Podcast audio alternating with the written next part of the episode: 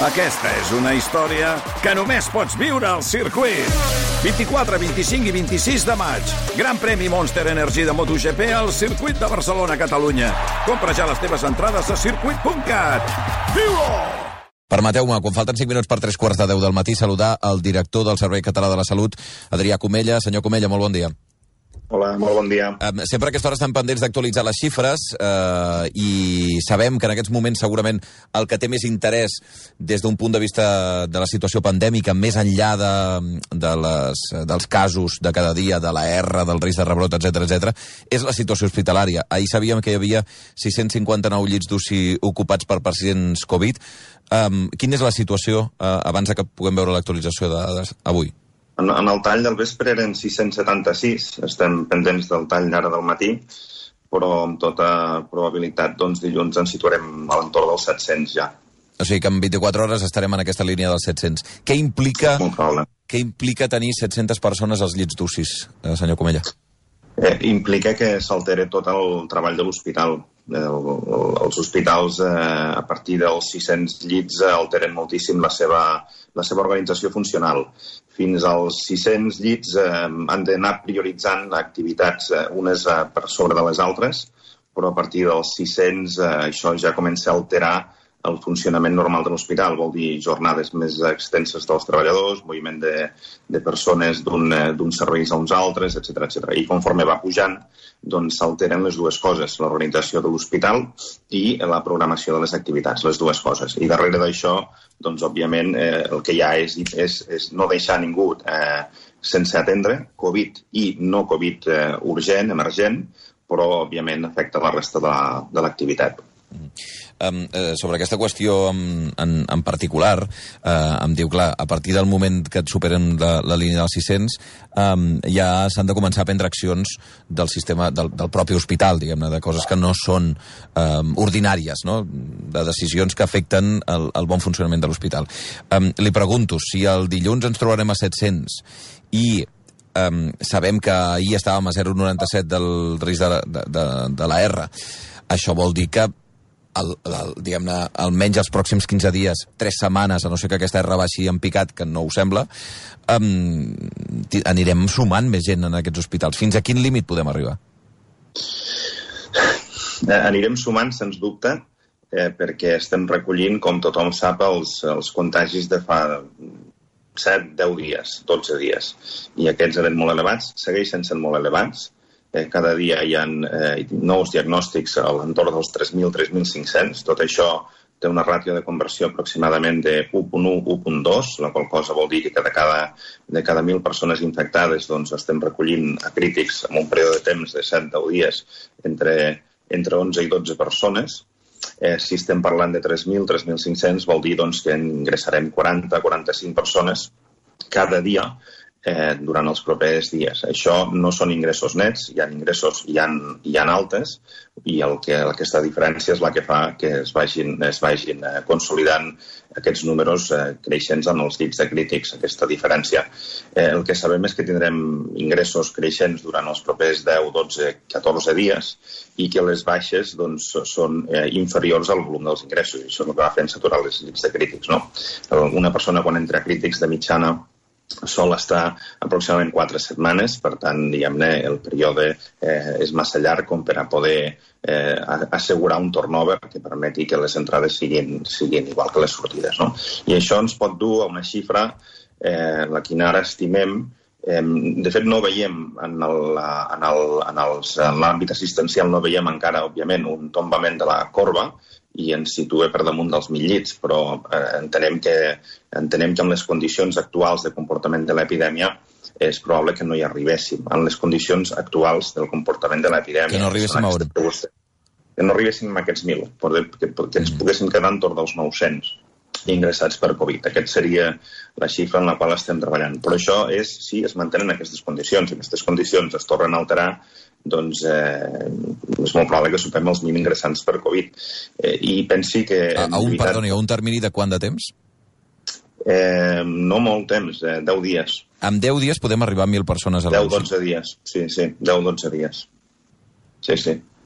Um, val, um, vull recordar als oients, i si no em corregeix uh, senyor Comella, que en el pitjor moment de la crisi de la pandèmia al mes de març i abril vam arribar a 1.350 persones. Um, li pregunto directament, li recorda massa el que va passar el mes de març? Vam arribar a 1.528 el dia 6 d'abril eh, i allà convivíem amb aproximadament 170 persones ingressades per altres patologies, eh, no Covid, per tant, el nivell d'atenció era altíssim, però tothom recorda que en aquell moment els hospitals només feien això. Tots els sanitaris, especialistes de diferents àmbits i tota la infermeria estava evocada pràcticament només a donar resposta a Covid.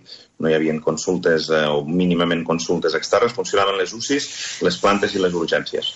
Aleshores, allò és una situació molt, molt greu.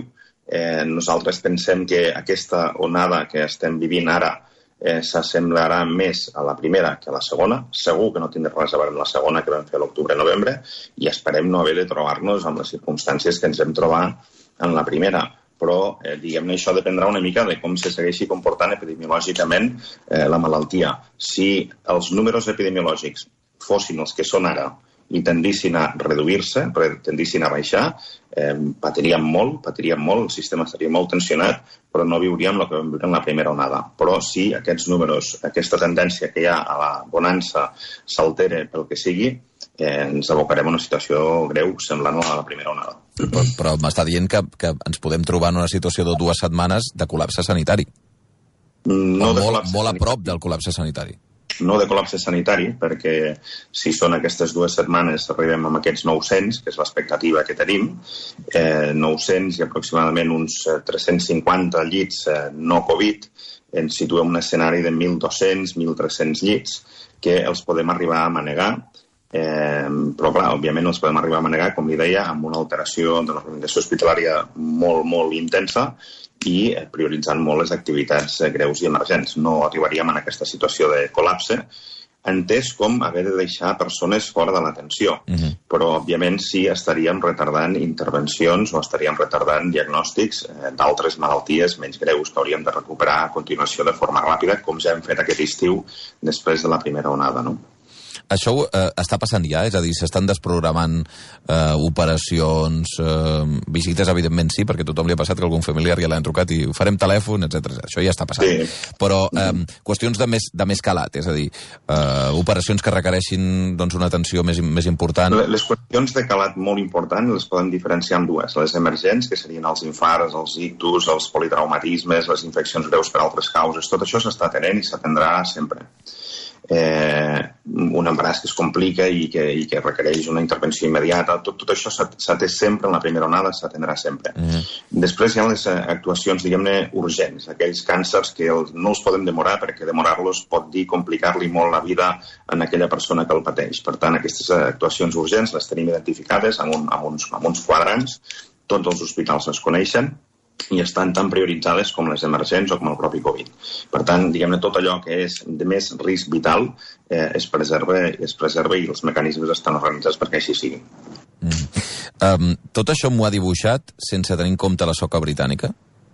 Exacte.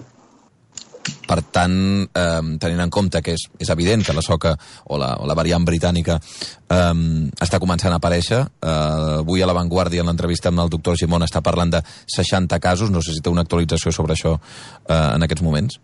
Si n'hi ha 60, n'hi ha més. Mm. Que segur que n'hi ha més perquè s'estan escapant del control, vol dir perquè no som capaços, òbviament, de mesurar virus a virus, persona a persona. Mai en cap, cap epidèmia això és possible, en realitat. Eh? Però, certament, quan hi ha 60, eh, és, és, és, al final és mostreig d'un conjunt de proves que es poden fer, d'una analítica que es pot fer, eh, d'una seqüenciació dels genomes, i, per tant, si en descobrim 60, doncs eh, segur, que ha, segur que n'hi ha més. No sé quantificar quants, però és obvi que és una soca que com, és més competitiva que la que teníem i això és com és Darwin pur, d'alguna manera. O sigui, la soca més competitiva acaba guanyant la partida de les altres. Mm -hmm. uh, I en aquest aspecte, la dada oficial que tenen vostès ara mateix de detectades i aïllades persones que tinguin aquesta soca, quina és? En, és, és, és baix, és baix perquè és una qüestió de seqüenciació encara i per tant, diguem-ne, no, no, és, no seria significatiu. El que passa és que això, el que s'ha vist en altres països, és que eh, apareix com un percentatge relativament baix i com que és molt ràpid, la malaltia és molt ràpida, eh, doncs ràpidament aquestes soques més competitives acaben guanyant terreny a les altres i s'acaben imposant. Mm. És, eh, és, és relativament ràpid aquest procés. En tot cas, aquest dibuix que m'ha fet de la pressió hospitalària bastant extrema um, um, sobre aquesta qüestió, sense tenir en compte l'aparició de, la, de la variant britànica que pot eh, donar un tom eh, eh, a, tot aquest, a tot aquest debat que estem tenint ara mateix. Sí, aquí tenim, aquí tenim eh, tres situacions, diguem-ne, que, que són les quines més han, han, de, han de centrar la nostra atenció, jo crec. Una és aquesta variant britànica, que en fi, eh, no la teníem identificada no fa massa setmanes, ara la tenim identificada, cada vegada s'identifica més, per tant és obvi que la tenim present i que, i que si no hi ha alteracions en, el, en la biologia del virus doncs, eh, i, amb, i amb la mecànica habitual de comportament d'aquestes malalties anirà creixent.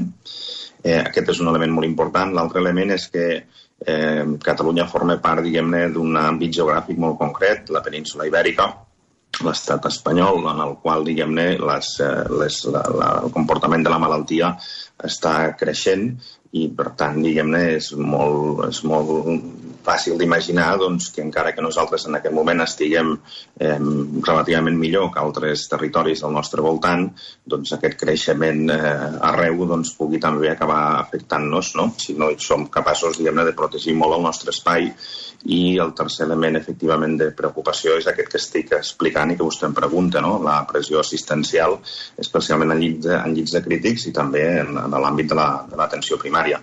Pensi que l'atenció primària eh, parlem sempre molt de llits de crítics perquè és el darrer ràtio, és el darrer recurs, és on ens ho juguem tot per entendre'ns, no?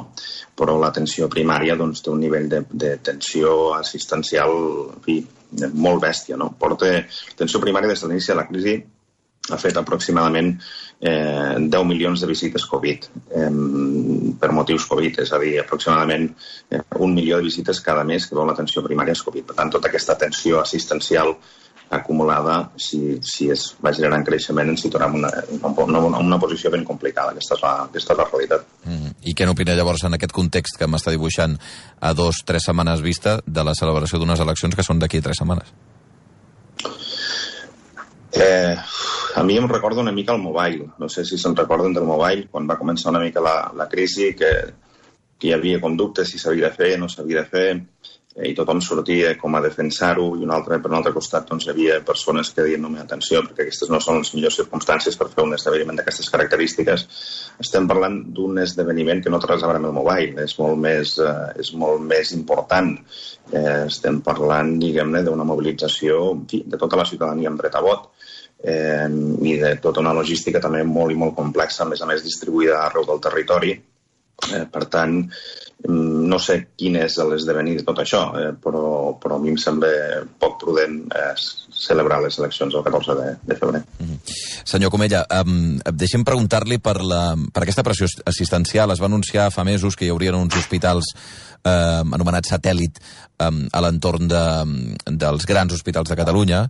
Eh, aquesta setmana passada crec que va dir que de cara a la setmana que ve ja hi hauria el primer que estaria en marxa. Quin és aquest primer hospital i quan es posa en marxa? Doncs serà, doncs serà el, el, el, el de Bellvitge i eh, demà mateix, demà mateix comencen ja els treballs en el nou espai hospitalari a Bellvitge. Demà ja estarà en marxa l'Hospital eh, Satèl·lit sí, de Bellvitge. De, demà es comencen a, a formar els quadres eh, sanitaris ja en aquest nou espai i es començaran a traslladar usuaris i, per tant, durant la propera setmana eh, i la següent, l'espai nou de Bellvitge, estarà, estarà donant suport a tota aquesta situació de resposta a la crisi. Uh -huh. eh, per tant, és absolutament immediat la posada en marxa del primer d'aquests hospitals. En són cinc, la resta arribaran en quin ter es posaran en marxa en quin termini de, de, de setmanes o de dies? Doncs, eh, es aniran progressivament posant en marxa tots durant el febrer, eh, excepte el del Brogi, que probablement eh, arriba, es posarà en marxa en el mes de, de març. Eh, el del Brogi ja s'ha construït com la resta, però ha presentat algunes dificultats, diguem-ne, per poder encaixar el nou espai amb l'edifici ja existent, que ha fet eh, que ja d'entrada mm, hagués, hagués demorat la seva, el seu inici de construcció. Es construïa més o menys en el mateix període, però vam haver d'iniciar-la una miqueta més, més tard que la resta per aquestes dificultats eh, d'inici. No? Però són quatre mesos, més o menys, el període constructiu. Aquests hospitals, jo dic que són l'antítesi de l'hospital que va muntar a Madrid, l'Isabel Zendal, perquè aquests hospitals, diguem-ne, no són una decisió de l'administració de posar un hospital de pandèmies en algun lloc, sinó que són una manera d'ajudar els hospitals a créixer en els seus espais per a poder organitzar-se millor i per tant són espais que són desitjats pels propis centres sanitaris. És a dir, no, no és uh, quelcom que ha imaginat un, un polític o un directiu públic en un despatx, sinó que són, és a petició d'ells, d'alguna manera, que el Servei Català de la Salut va decidir fer aquestes, aquestes inversions uh, en aquests centres. I per tant, diguem-ne, tenen la garantia de funcionament, uh, són desitjats pels professionals. Jo he tingut ocasió de visitar-ne alguns aquests darrers dies i hi ha molta il·lusió amb els professionals. Pensi que, pensi que clar, hem hagut d'atendre persones crítiques en gimnasos, en pavellons, en biblioteques dels propis hospitals, eh, guanyant espais a pàrquings, és a dir, treballant en unes condicions les, les quines hi podien haver en aquella, en aquella primera onada. Però porten així molts mesos els professionals i els, i els eh, usuaris en aquests entorns i això permetrà, diguem-ne, eh, treballar en unes condicions molt diferents, molt diferents, a més a més de guanyar llits, permetrà treballar en unes condicions molt diferents i també permetrà, que és molt important, recuperar aquells espais que vam colonitzar per, des dels crítics per, a, per als usos originals, les rehabilitacions, els hospitals de dia, això dins dels hospitals i fora dels hospitals. Per exemple, en el cas de l'edifici que fem a Pere Virgili, que servirà a l'Hospital de Vall d'Hebron, sí. doncs permet recuperar el pavelló de Vall d'Hebron per a usos per a usos esportius, que és el que ha de tenir. No? Cada hospital és una mica diferent. Aquests eh, cinc nous equipaments, cada, cadascun d'ells és una mica diferent. N'hi ha que són 100% llits de crítics, com és el cas del de Can Ruti, n'hi ha que són més llits convencionals, com és el cas de Bellvitge, perquè en el cas de Bellvitge el que s'ha fet és una doble actuació. S'ha fet aquest eh, nou espai eh, hospitalari i dins de l'edifici, dins de la torre de Bellvitge, s'ha condicionat també llits de crítics per estar ja més propers a la seva UCI tradicional, per entendre'ns. No? Per tant, l'actuació més enllà del que es veu d'aquests uh, cinc espais, eh, hi ha moltíssimes més actuacions dins dels centres. En aquests cinc i en la majoria dels altres hospitals. La, la, el temps que s'ha fet eh, tot això és rècord, però s'ha fet més enllà d'aquests cinc hospitals moltes altres actuacions a tots els centres. La setmana que ve l'únic que funcionarà és Bellvitge o, o en, a mitja setmana pot ser que s'inauguri? No, no, la setmana que ve serà Bellvitge de cara al dia 1 entra en fase, amb una primera fase de cara a l'1-2 de febrer, una primera fase de l'Hospital de, de Germans Tries a Badalona uh mhm. -huh. i a continuació vindrà Pere Virgili, l'hospital que serveix Vall d'Hebron, eh, aquesta ampliació del Vall d'Hebron, i després vindrà l'Arnau i finalment Brati. Um, sobre aquesta qüestió, um, clar, s'ha dit en diverses ocasions que el gran problema que tenim nosaltres i segurament eh, tot el conjunt d'Espanya són les mans per treballar, no només a l'espai hospitalari. Es contractarà gent nova perquè es puguin funcionar aquests hospitals, per fer funcionar aquests hospitals satèl·lit?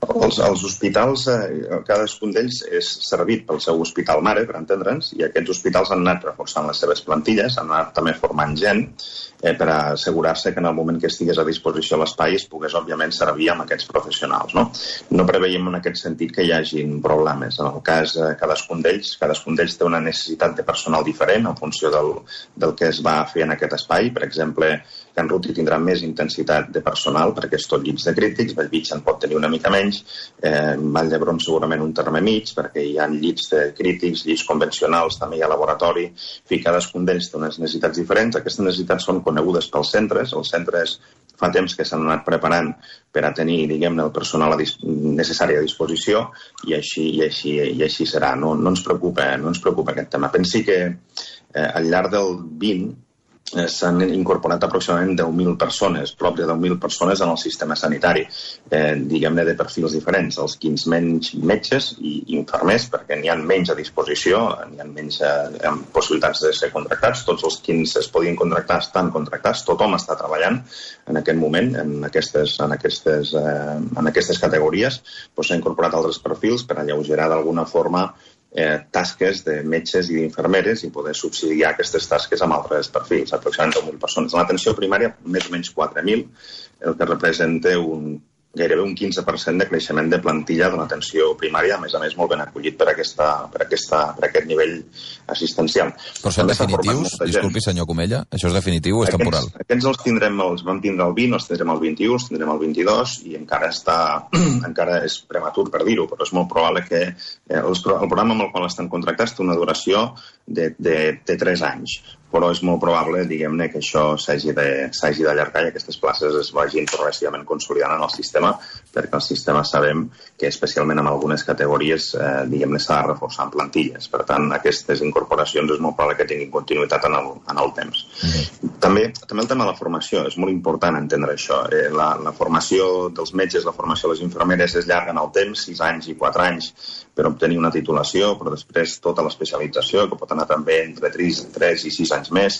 Eh, per tant, diguem-ne, tot això és una producció que cal planificar amb moltíssima antelació, moltíssima antelació, eh, i per tant aquí nosaltres el que hem fet des d'un punt de vista de la formació és ara, en el curt termini, doncs hi ha hagut pràcticament eh, 30.000 persones formades amb, amb, diferents, eh, amb diferents matèries per poder donar millor resposta possible en aquesta crisi i específicament amb el maneig de, de malalts crítics, doncs, eh, hem acabat ara fa, fa pocs dies una primera fornada de 1.500 persones, ja personal sanitari expert en el qual s'ha reformat formació per maneig del, pel maneig del pacient crític. No? Per tant, és, no, no es pot aturar, no es podem aturar a fer coses. La situació és, mentre no es resolgui del tot, és un embat monumental, una epidèmia és, jo sempre ho dic, la pitjor experiència que pot viure el col·lectiu sanitari d'un país, és quelcom molt greu, altera moltíssim les coses, i els sanitaris en, arreu del món. I a Catalunya, òbviament, malauradament no és l'excepció, portem un any eh, lluitant contra aquesta situació. No? Això comporta també fatiga, desgast emocional, desgast eh, físic, i, i hem de, no podem aturar-nos, no podem parar de fer coses, siguin edificis, sigui material, sigui formació, sigui contractació, no ens podem aturar. De fet, sobre aquesta qüestió, eh, el desgast que té sobre el personal mèdic, hi havia aquell estudi a l'Hospital del Mar que deia que gairebé la meitat dels professionals estan tenint ja un risc alt de desenvolupar trastorns mentals eh, com a conseqüència de la, de la primera onada. I anem per la tercera, i vostè ja em va dir fa mesos que n'hi hauria segur una quarta. Sí, li vaig dir en aquell moment segur una tercera i probablement una quarta. Eh, mm, ara estem en aquesta tercera i jo no tenia clar que la tercera fos eh, com la segona que estan vivint o pitjor. Ara podem saber que aquesta tercera no serà com la segona, serà pitjor i veurem com és aquesta quarta que sí, també donem gairebé per fet que la, que la haurem de viure i per tant, diguem-ne, un període de molt de temps, de molta tensió per part del col·lectiu sanitari eh, que està a l'alçada, que està responent, que és, és increïble veure com eh, quan un hospital extensiona doncs, la seva direcció mèdica, la seva direcció de recursos humans, la seva direcció d'infermeria, donant eh, quatre indicacions, quatre pautes, fa que aquell equip eh, torni a activar-se i, i, en fi, de forma resignada, si ho vol, perquè és així, però torna a estar a peu de llit, torna a estar a peu de quiròfan, torna a estar a peu d'UCI, torna a estar a peu d'urgències. No? És un col·lectiu, a mi em sembla, el sanitari, que serà el referent més sòlid que tindrà la nostra societat durant molts anys, perquè el comportament, el, la capacitat, la intel·ligència, la capacitat de sacrifici que està mostrant és absolutament admirable.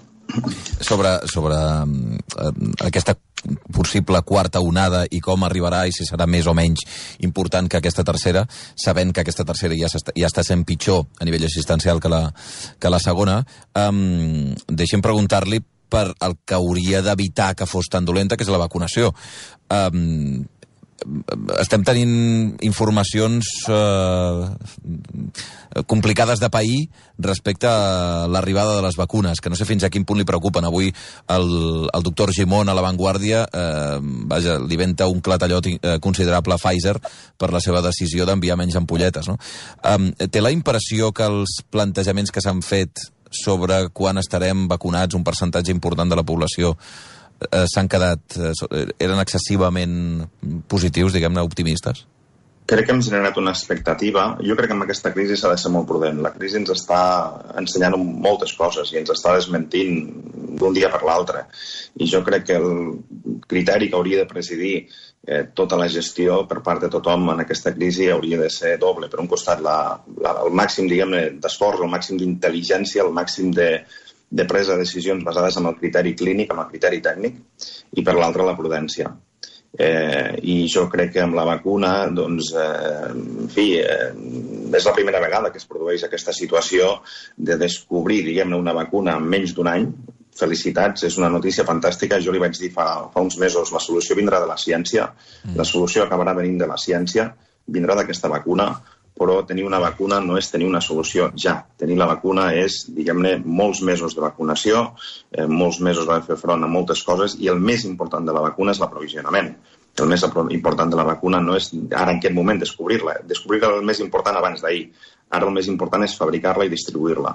I fabricar-la i distribuir-la, òbviament, té les seves complexitats. Aleshores, si donem determinats missatges a la població, la podem confondre i podem fer-li pensar que ja tenim la solució, que és demà passat, eh, i això es pot entendre des d'un punt de vista de molts mesos de desgast i que la gent necessita bones notícies, però, diguem-ne, potser fa un flac favor, diguem-ne, a la, al comportament eh, i a les millors decisions que li deia abans, no?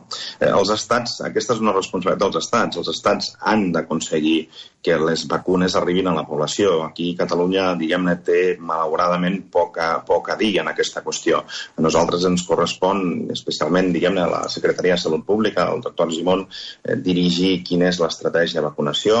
Aquesta està pensada en diverses fases. El Servei Català de la Salut, que és el que em toca dirigir a mi, li correspon donar suport a tot això i organitzar, en la mesura en què des de Salut Pública es determini doncs, la logística perquè tot això acabi sent possible però aquí hi ha un primer element que és l'aprovisionament. Si estem rebent de mitjana ara menys de 5.000 dosis al dia i tenim eh, 7 milions i mig d'habitants, òbviament, doncs això no, no, amb això no anem enlloc. No? I això passa a Catalunya i passa arreu de l'Estat. Aquesta és una competència de l'Estat. L'Estat, els estats, és, eh, tinc la sensació que ens pot passar amb la vacuna el mateix que ens va passar amb les mascaretes. No? Eh, tothom volent el mateix producte alhora amb una escassedat de fabricació durant molts mesos molt, molt, molt important. Amb la vacuna es pot, eh, es pot eh, arribar a passar el mateix, tant de bo que no, tant de bo que no, però aquí els estats han de ser capaços de tenir molta habilitat negociadora, de complir els seus pactes, d'apretar les empreses que fabriquen, de donar-los i suport quan calgui, de muntar les logístiques, i això, a, a data d'avui, eh, no, no, està, no està passant. Nosaltres anem darrere de la capacitat de gestió de l'Estat en aquest tema i, malauradament, diguem-ne, no, això no, avui per avui no està passant. Es confia que es li doni la volta, però avui per avui, diguem-ne, no està passant. Senyor Comella, eh, hi ha una vacuna que era molt esperada, que era la d'Oxford AstraZeneca. Divendres de la setmana que ve el que és previsible és que l'Agència Europea del Medicament li doni el vistiplau. Sap quan arriben aquí aquestes vacunes? Això és el que li deia també, eh? o sigui, i ho deia també el doctor Simón eh, en una compareixença no fa massa. Tenim, anem molt a cegues i aquest és l'altre element. No, no hi ha una planificació clara que es pugui fer a través de la informació que donen els, els, els fabricants i que subministra l'Estat a les comunitats autònomes i, per tant, aquest és un element de gestió afegit. Eh, és molt difícil planificar les, les actuacions que cal fer quan no coneixes el, el, el, les dosis que rebràs, amb, amb una periodificació, etc. Eh, és per això que dic que aquest que és un dels temes més importants, cal segurament eh, moltíssima intensitat eh, política i directiva per part de l'Estat per encarar-lo per encarar-lo bé. Si no poden passar dies, setmanes que estiguem amb aquestes incerteses, que això no, no, no ens beneficia en res. La vacuna segueix sent la solució, sens dubte, sens dubte, aquí ningú ha de dubtar, eh, però, diguem-ne, cal clarificar bé per part, de, per part dels diferents estats, i en aquest cas per part de l'estat espanyol, com eh, quins seran aquests aprovisionaments, amb quins calendaris i assegurar un flux continu d'entrada de producte. Si entra producte, nosaltres tenim capacitat de punxar-lo, sens dubte. Sens dubte. Si el sistema és el català i la resta dels sistemes de l'Estat podran administrar aquesta vacuna amb solvència. Però el problema avui per avui és de subministrament. O sigui, quin és el límit que podria um, gestionar correctament el sistema de salut pública de la Generalitat? Quina quantitat de vacuna podria punxar diàriament si en arribés suficient, diguem-ne? Eh? Si ara, per exemple, arribés una carretada de vacunes d'AstraZeneca o Oxford barrejades amb les de Pfizer i de Moderna, eh, a, qui, a quin nivell podríem arribar a vacunar? Molt alt, molt alt. El nivell de vacunació, diguem-ne, eh, estarà a l'alçada del nivell d'aprovisionament, eh, amb els períodes de temps que tenen les vacunes d'entre una dosi i l'altra. Aquest element ens preocupa poc. A més a més, hi ha, diguem-ne, diverses... Eh, diverses eh, palanques que poden reforçar-ho, eh? més enllà del que es pugui administrar des dels centres d'atenció primària i des dels propis hospitals. Eh, es, poden, es poden organitzar, diguem-ne, punts de vacunació ben, ben servits i ben controlats des del sistema sanitari. Per tant, diguem-ne, des d'un punt de vista de la logística de la vacunació, no, no, hi, no, hi, veig, no hi veig que hi hagin d'haver grans hàndicaps. Aquí l'important és que també tothom tingui present l'ordre de la vacunació. L'ordre, això és molt important. Les diferents fases és molt important tenir clar quina de, quina ha de ser l'ordre d'aquesta vacunació. Ara estem vacunant a les persones de major risc que estan en residències. Això és molt rellevant perquè són persones eh, més vulnerables que els més vulnerables, per entendre'ns. Eh? Eh, I després els sanitaris. Els sanitaris són les persones que han d'ajudar que això resolgui, són les persones que tracten aquestes persones malaltes i a totes les que ens aniran venint. És imprescindible que els sanitaris estiguin, diguem-ne, eh, immunitzats l'abans possible. Ara tenim aproximadament un 50% del personal sanitari ja immunitzat, però, en fi, eh, l'hauríem de tenir ja pràcticament tot, no? Si les dosis haguessin anat arribant segons la primera planificació de Pfizer, estaríem a finals de la setmana que ve acabant de vacunar els sanitaris. Malauradament això aparentment no podrà, no podrà ser encara. I, i després, els col·lectius doncs, de major risc. Catalunya té 640.000 persones identificades com de molt alt risc i aproximadament 1.200.000 identificades com de risc alt, o sigui, risc alt 1.200.000, risc molt alt 640.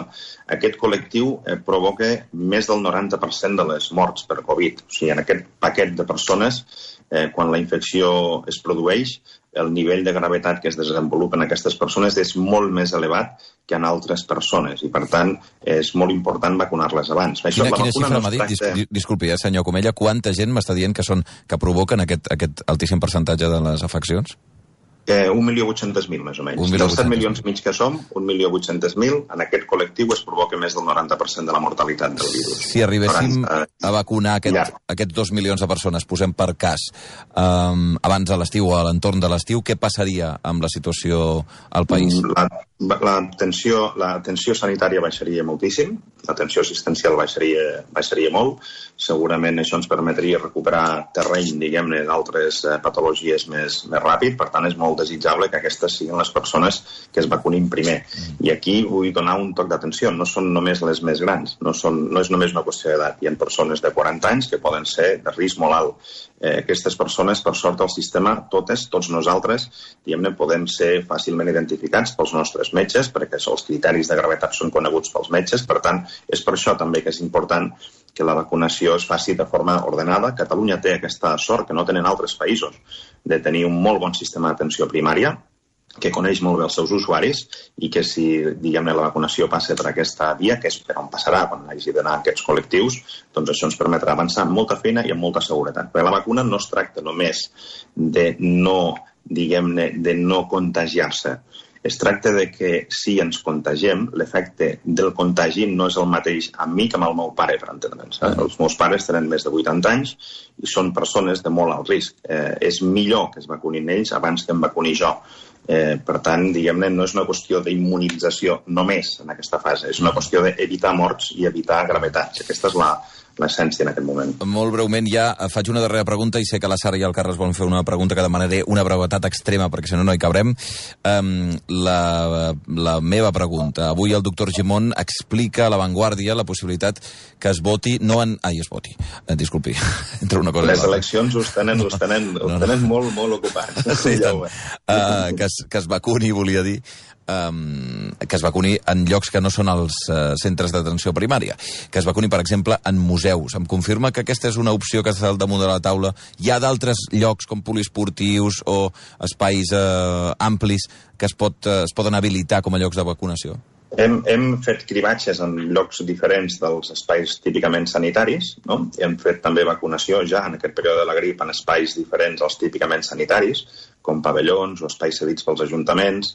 Eh, tots els ajuntaments del país s'han volcat des de l'inici en, aquesta, en la lluita en aquesta malaltia, amb tot, amb els cribatges, també en cedint espais per les vacunes, i per tant eh, les vacunes de la grip em refereixo i és molt probable doncs, que s'hagin d'utilitzar també espais eh, grans eh, per a poder fer vacunacions més massives quan estiguem en la fase ja de vacunar persones com, com doncs, de menys risc, per entendre'ns, eh, que són volums molt grans i que és bo que, no, que és bo que puguin tenir diversos espais en els quals es pugui fer. Per tant, no només no es descarta, sinó que és una qüestió que es posarà en anàlisi aquesta propera setmana amb els grups específics de treball i que molt probablement madurarà en aquest sentit.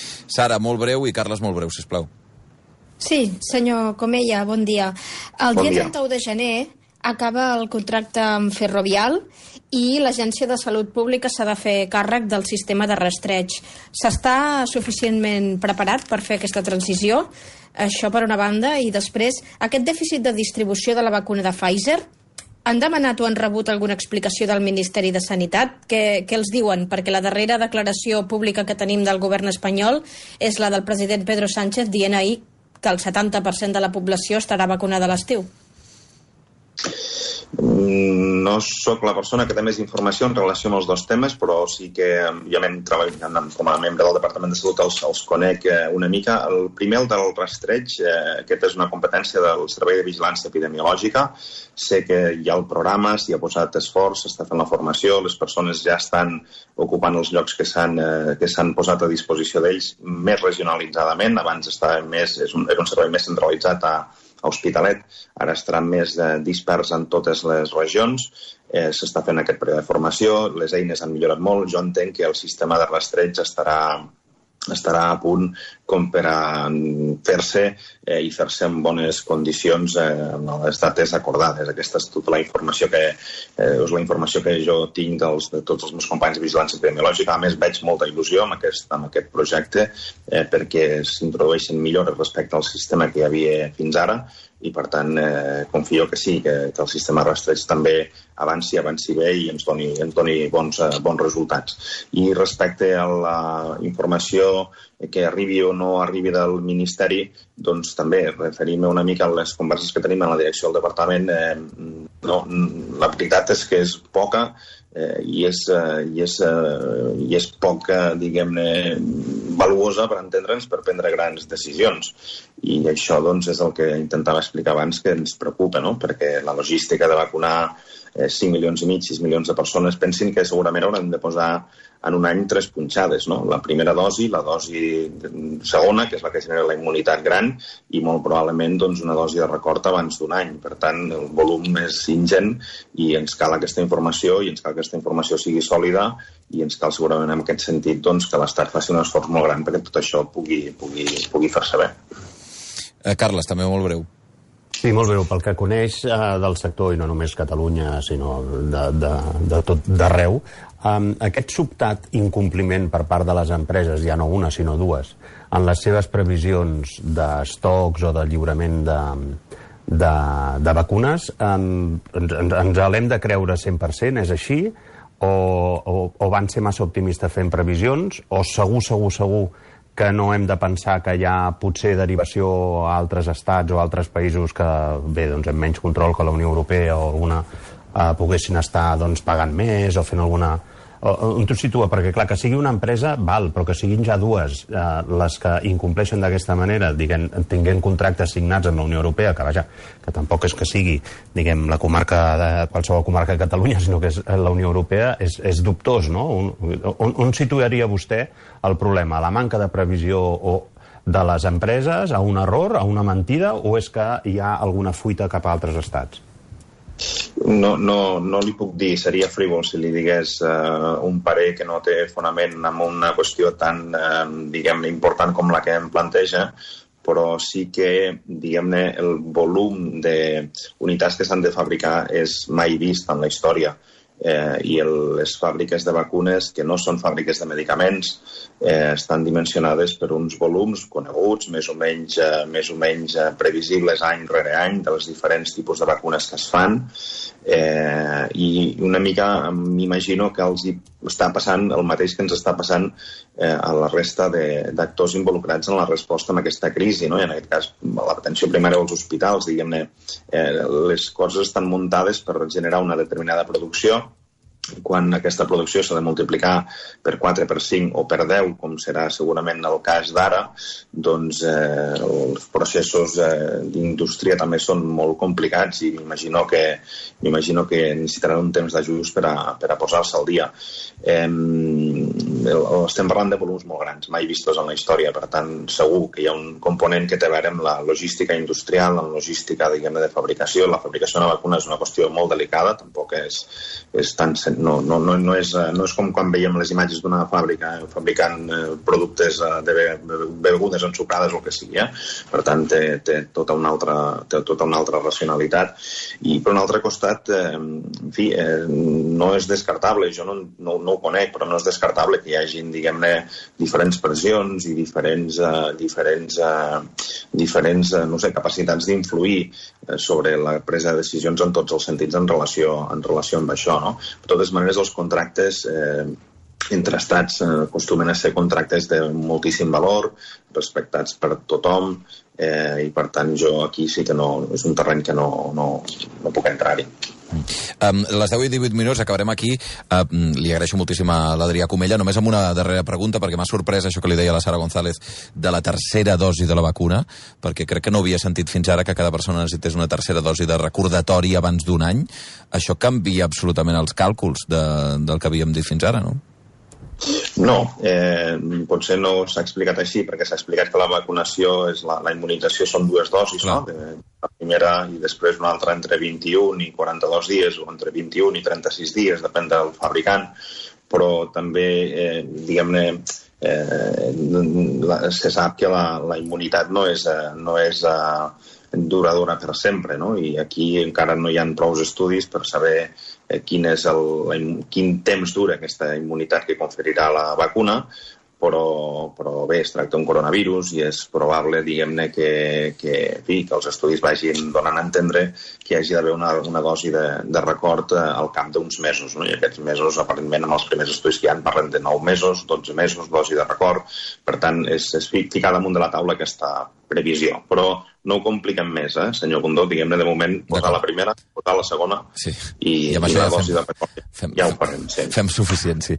Adrià Comella és el director del Servei Català de la Salut. Uh, moltíssimes gràcies per la claredat i per, per, per atendre'ns al Via Lliure.